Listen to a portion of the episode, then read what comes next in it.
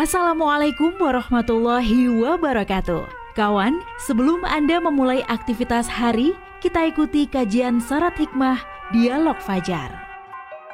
Assalamualaikum warahmatullahi wabarakatuh Kawan, kita kembali di program Dialog Fajar bersama saya Adit Jufriansa Dan sudah ada di depan saya ada Ustadz Ali Muafa dari Pondok Pesantren Al-Quran Nurul Falah Surabaya Assalamualaikum Ustadz Waalaikumsalam warahmatullahi wabarakatuh. Alhamdulillah. Alhamdulillah. Sudah tepat ya. waktu lagi datang ya, ke Suara Surabaya. Allah. Alhamdulillah, alhamdulillah.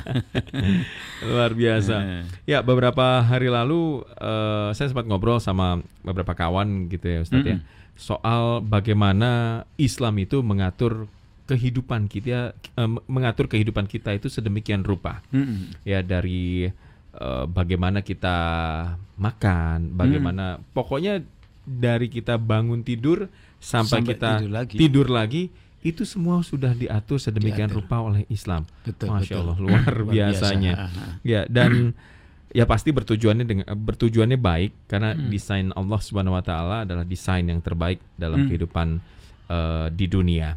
Ya. Dan begitu juga dengan uh, hal perdagangan hmm. yang memang dalam Islam pun diatur serigit mungkin ya Ustaz. Hmm, Sedetail hmm. mungkin sampai hal-hal terkecil. Betul, betul. Ya. Nah, pagi hari ini apakah hal-hal terkecil itu khususnya dalam perdagangan supaya kita bisa memberikan manfaat bagi diri kita sendiri dan orang lain. Seperti apa? Kita langsung simak pemaparan dari Ustaz Ali. Silakan Ustaz. Bismillahirrahmanirrahim. Assalamualaikum warahmatullahi wabarakatuh. Waalaikumsalam warahmatullahi. Bismillahirrahmanirrahim. Alhamdulillahirabbil alamin. Allahumma shalli wa sallim wa barik ala sayyidina Muhammadin wa ala alihi wa sahbihi ajma'in. Amma ba'du. Kita bersyukur kawan, bersyukur kehadirat Allah Subhanahu wa taala pagi ini ya. Pagi ini kita bisa berbincang-bincang lagi dengan Mas Adit ya. ya. Dan kali ini kita akan kembali menunjukkan kehebatan Allah Subhanahu wa taala, kecintaan Allah Subhanahu wa taala kepada seluruh hambanya dengan hmm. uh, mengatur yaitu tentang akad jual beli. Ya. Kita sadar sesadar-sadarnya bahwa jual beli itu kan berakibat barangnya Mas Adit hmm. saya miliki. Ya. Nah, saya memiliki barangnya Mas Adit itu dengan cara apa? Ya kalau yang kita kenal cara di dunia itu ada dengan cara dirampas. Berarti kan hmm. kan nggak sah ini ya. Hmm, hmm, hmm. Dicuri nggak sah, diperampok juga nggak sah. Nah Islam mengajarkan perubahan hak milik orang dari orang satu ke orang lain itu supaya betul. Ya, ya diaturlah di antaranya dengan cara akad jual beli. Hmm. Ya.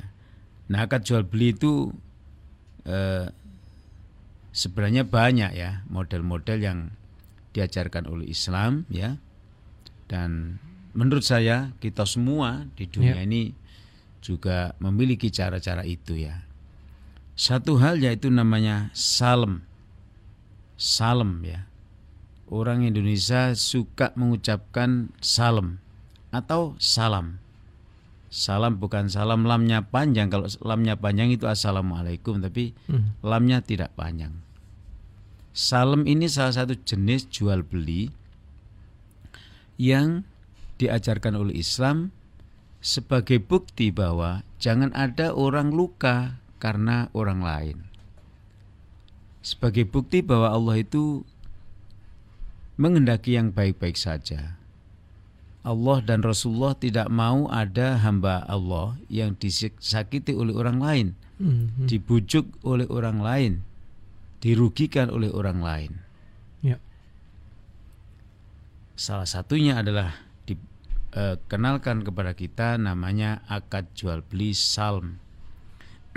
Di suatu model jual beli yang barangnya itu belum ada dalam arti hmm, hmm.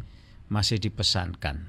Ya. ya kalau zaman dulu kita ini istilahnya pesan barang, nah itu salam namanya. Tidak beli secara cash ada barang dan ada uang. Ini belum ada barangnya, kita pesan kepada seseorang agar barang itu dibikinkan untuk kita dan kita sepakat harganya sekian, hmm. barangnya begini, begini, begini. Seluruhnya harus disebutkan dengan jelas bahkan dicatat. Ya. Ini namanya salam atau salam. Salam ini diatur agar jangan ada pihak yang dirugikan. Rasulullah nggak mau ada pihak yang dirugikan.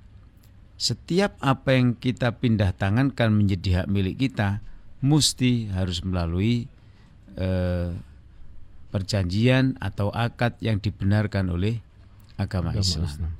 Meskipun kawan, eh, kalau sudah urusan muamalah begini ini, urusannya adalah urusan uh, saling merelakan atau ini Mas Adit istilahnya hmm. antarodin hmm. antarodin saling merelakan saya beli benda miliknya Mas Adit hmm. ya itu kondisinya bagaimana Mas oh 100% begitu saya datang ternyata 99% hmm. tapi saya loh ikhlas. Oh, tidak apa-apa mas, hmm, cuma satu persen aja kok. Itu namanya antarodin. Hmm. Saya rela, Mas Adi juga rela, atau sebaliknya kalau gitu saya kurangi mas sekian rupiah, Mas Adi juga oke okay, misalnya, ya tidak apa-apa. Saling merelakan ini hilang sudah masalahnya. Iya, iya. Ya, nah apakah? Tapi Islam tidak mau ada orang dirugikan, ya. Hmm Ya. Kecuali mereka sudah bersepakat, ah sudah tidak apa-apa, sudah biasalah kurang-kurang sedikit sebegini itu ya. Nah, itu. Ya, uh, jangankan jual beli, ya. Ada saya punya seorang donatur ya. Ya. Di uh, barang impornya itu datang, hmm. pasti di um, apa di di apa dibopong oleh satu persatu oleh petugas. Nah, ketika memindahkan barang dari satu tempat ke tempat lain itu, dipegangkan barangnya karena dia hmm. harus diangkat. Itu sambil dicuri. mohon maaf oh. bahasanya begitu ya, dicuri. Hmm. hmm, hmm. Ibaratnya kalau kerupuk ya dicuil begitu ya. ya. Kalau misalnya beras ya di ya tidak tahu caranya ya, disogrok begitu. Hmm. Kalau misalnya air misalnya ya diteteskan mungkin begitu ya. Mm -hmm. Pelaporan dari staf-staf beliau itu bahwa kejadian itu sudah terjadi dan bukan rahasia di lapangan dilaporkan ya. Mm. Karena staf-staf ini merasa tanggung jawab betapa ada kekeliruan kok dibiarkan, maka dilaporkan. Jawabannya adalah sudah biarkan paling kalau saya total cuma satu ton itu hilang barang. Uh. Coba ngomongnya cuma, seperti itu. Cuma. Sedangkan saya masih sekian ribu ton. Oh, iya. Ya sudah selesai. Cuman orangnya ini loh Pak yang nggak boleh, yang mencuri ini kan nggak boleh. Eh. Sesungguhnya eh, dia sudah mengikhlaskan begitu saja. Lahir batin saya sampai nggak tega, bener nggak ini dikorek? Hmm. Ya memang sudah Pak, sudah saya ikhlaskan.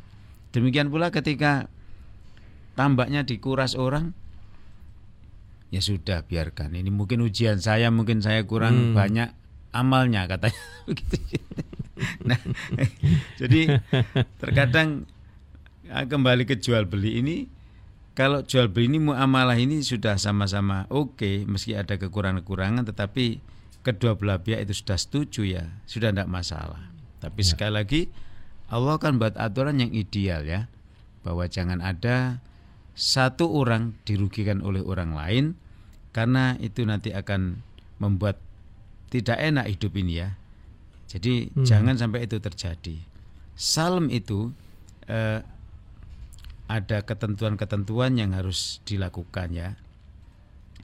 Eh, untuk apa itu? Supaya sekali lagi tidak ada celah bagi satu orang membujuk orang lain. Ya, jadi satu orang membujuk orang yang lain. Jadi Pertama adalah harus uh, ini rukunnya istilahnya dilakukan hmm. oleh orang yang sudah balik berakal. Jadi anak kecil-kecil tidak bisa ya. untuk berbisnis ini tidak ngerti dia. Oh. Termasuk anak-anak kita ini uh -huh. kalau diserahin uang yang uh -huh. dia belum bisa membelanjakan, masa kita ngasih uang anak sekolah SD aja 300 ribu untuk, untuk apa namanya untuk yang jajan lah di sekolahnya. Lalu dia nggak mampu juga membelanjakan dan juga ada yang memanfaatkan dibujukin begitu rupa. Oh, iya. Ini sudah masalah lagi. Iya. Maka sudah betul Islam itu anak-anak atau orang atau ya siapa saja yang belum berakal mm -hmm. harus dijaga, jangan diberikan amanah yang tidak uh, dia kelasnya gitu ya, ya seperti itu. Dia jadi jadi yang boleh adalah orang yang sudah berakal balik ya. Yang kedua, barang yang dipesan itu harus jelas ciri-cirinya. Hmm, hmm, hmm. Jangan sampai kita pesan barang, barangnya nggak jelas. Saya pesan kursi ya, ya gitu aja. Berapa satu juta? Nah, begitu tahu jadi barangnya, loh kok begini? Dibalik oleh yang tukangnya lah. Kemarin kan cuma kursi aja. nah, pembalikan itu itu menurut penjualnya benar ya. Hmm, hmm. Tapi bisa jadi dia bermain di balik itu, di balik ketidakjelasan itu. Jadi jelas lah kalau pesan-pesan itu ya. Hmm. Apalagi sekarang ada online ya. Ya. Kita online kan barangnya di sana, di jauh sana ya. Hmm. Kita tidak hmm. tahu apakah kawan-kawan juga pernah terjadi bahwa barang yang kita beli itu nggak sama dengan fotonya, misalnya, misalnya ya, dengan videonya misalnya. Jadi sah-sah saja kita melakukan itu asal jelas ciri-cirinya ya. Kalau nggak cocok ya jangan dibeli. Saya butuh yang sekian mm -hmm. senti ketebalannya. Sekian, sekian mili ketebalannya. Ternyata tidak sekian mili ya. Ya kalau anda eh, nggak mau ya jangan dibeli karena yang rugi kita sendiri. Kalau kita udah tahu bahwa itu nggak cocok dengan mau kita kemudian kita beli, yang salah yang membeli. Nah gitu Ustadz nah. kalau misal ya kalau kita ketemu yang seperti ini Ustadz hmm. atau uh, kita tergoda untuk melakukan hmm. itu ya Ustaz ya. Eh, dosanya seberapa ini sih Ustaz? Yeah. Atau disebutkan dalam hadis atau dalam Al-Qur'an? Iya. Yeah. Jadi pertanyaan ini yang sangat penting ya.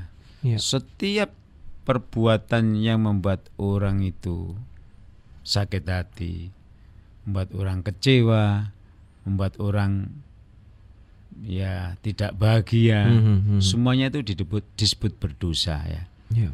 Nah setiap dosa itu memang uh, akan ada pembalasan di akhirat nanti, yeah. akan ada siksanya sesuai dengan tingkatan masing-masing ya. Mm. Dan Allah sangat murka kepada orang-orang yang seperti itu ya. Maka jangan sampai kita itu berbuat itu. Nah, larangan jangan sampai jangan sampai kita itu menyakiti hati orang, jangan sampai melukai hati orang. Larangan hmm, itu hmm, hmm. itu bukan karena kejamnya Allah, tapi justru karena sayangnya Allah Subhanahu wa taala. Jangan sampai kita mendengar lagi ada orang pesan online barangnya menjadi masalah. Kadang dibanting juga, ah, dibanting begitulah. Ini kan ya dan tidak bisa dikembalikan kan barang itu karena sistem jual belinya memang seperti itu. Maka ini mudah-mudah gampang mudah-mudah sulit ya mudah-mudah sulit jadi mudahnya karena klik sudah datang barang ya. sulitnya karena kita tidak tahu barangnya tidak tahu barangnya uh, uh. ada salah satu pesan Nabi yang kalau kita bahasakan itu janganlah engkau membeli sesuatu yang kau tidak mengerti hmm. janganlah membeli barang di dalam karung kucing dalam karung jalan janganlah seperti itu kan itu kan isyarat-isyarat yang jadi harus betul-betul Mm-hmm. Ya. Iya, kita iya. misalnya membeli ikan di tambak. Ya. Ini ada berapa di tasir ada 10 ton. Berapa harganya sekian? Ini rawan ini, rawan. Apakah kita ngerti bahwa ikan-ikan itu adalah ya busuk atau apa atau apa? Tidak ngerti. Maka sesuai dengan ya ya subhanallah orang yang berbisnis di bidang itu ternyata memang mengerti ya. Seperti orang bisnis durian itu loh. Hmm. Kita yang Kita membeli nggak tahu. nggak tahu tapi mereka ngerti. Oh, ini, jangan Pak ini nggak manis. Ini pahit tuh Pak. Ini nah, itu ngerti. Subhanallah ya. Iya, nah, iya. kita uh, percaya dengannya dan kita harus ikhlas apa yang dikatakan dia itu. Kalau enggak ya jangan beli di situ. Nanti jadi masalah ya. Jadi ciri-cirinya diberi di eh, diberitahukan waktunya kapan, harganya berapa, hmm. apakah boleh dibayar eh, kontan apa eh, dibayar belakangan apa itu semuanya harus dijelaskan ya. Jangan sampai eh, barang ini menjadi tidak barokah, apalagi makanan sudah dimakan masuk perut tapi kita masih geremeng. Hmm.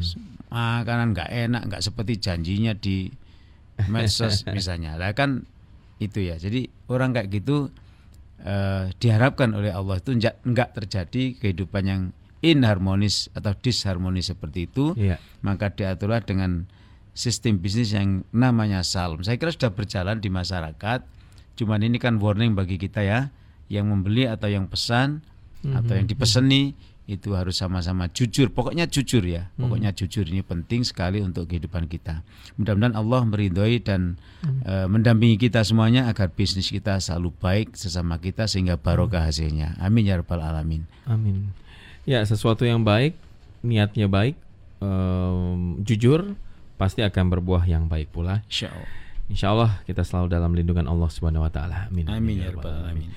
Sekian dari kami, kawan. Kita kembali lagi di lain kesempatan. Wassalamualaikum warahmatullahi wabarakatuh. Waalaikumsalam warahmatullahi wabarakatuh. Program Dialog Fajar yang baru Anda simak kerjasama Suara Surabaya dan Pesantren Al-Quran Nurul Falah Surabaya, lembaga dakwah yang amanah, profesional, dan berbasis Al-Quran. Pesantren Nurul Falah mencetak guru-guru Al-Quran dengan metode tilawati dan tafidz Al-Quran. Informasi dan pemberian donasi hubungi 031 828 1278 atau nurulfalah.org. Wassalamualaikum warahmatullahi wabarakatuh.